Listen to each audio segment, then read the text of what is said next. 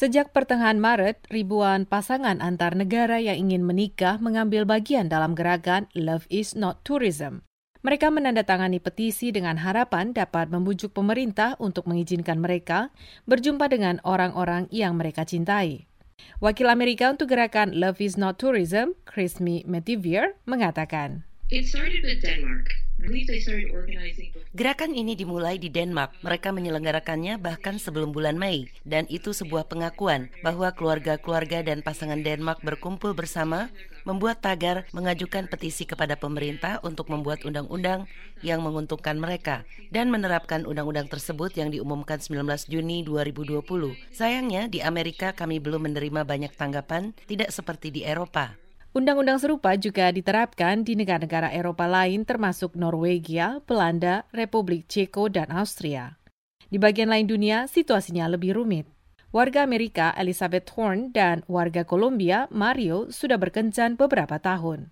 Tetapi karena pandemi mereka tidak bisa saling bertemu selama enam bulan.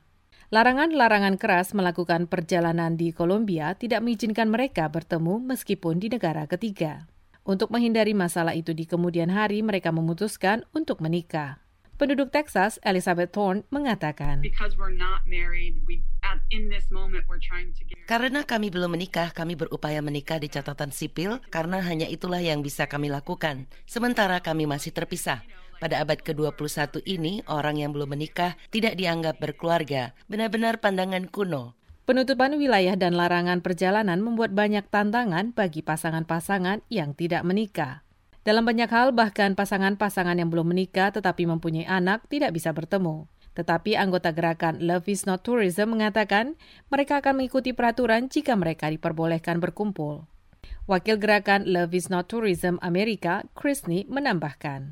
And we want to follow the rules. We're more than willing to pay for our own. Kami bersedia mengikuti aturan, bersedia membayar sendiri untuk dites virus corona. Kami siap dikarantina, kami memakai masker. Itu semua tidak masalah bagi kami. Kami hanya perlu masalah ini dipecahkan. Ada contoh lain dari pasangan Amerika, Susan Parker, dan tunangannya dari Belanda, Egbert, dalam beberapa bulan terakhir. Tiap hari mereka membicarakan dan memimpikan pernikahan mereka. Pasangan itu bertemu musim dingin lalu dan berencana menikah sampai pandemi COVID-19 merusak rencana mereka. Susan dan Egbert adalah di antara pasangan yang beruntung. Tanggal 27 Juli lalu, Belanda mengizinkan perjalanan bagi warga asing yang punya hubungan dengan warga negara Belanda. Jadi, pasangan itu meneruskan rencana pernikahannya. Untuk Puspita Sariwati, Metri Nigyapani, VOA.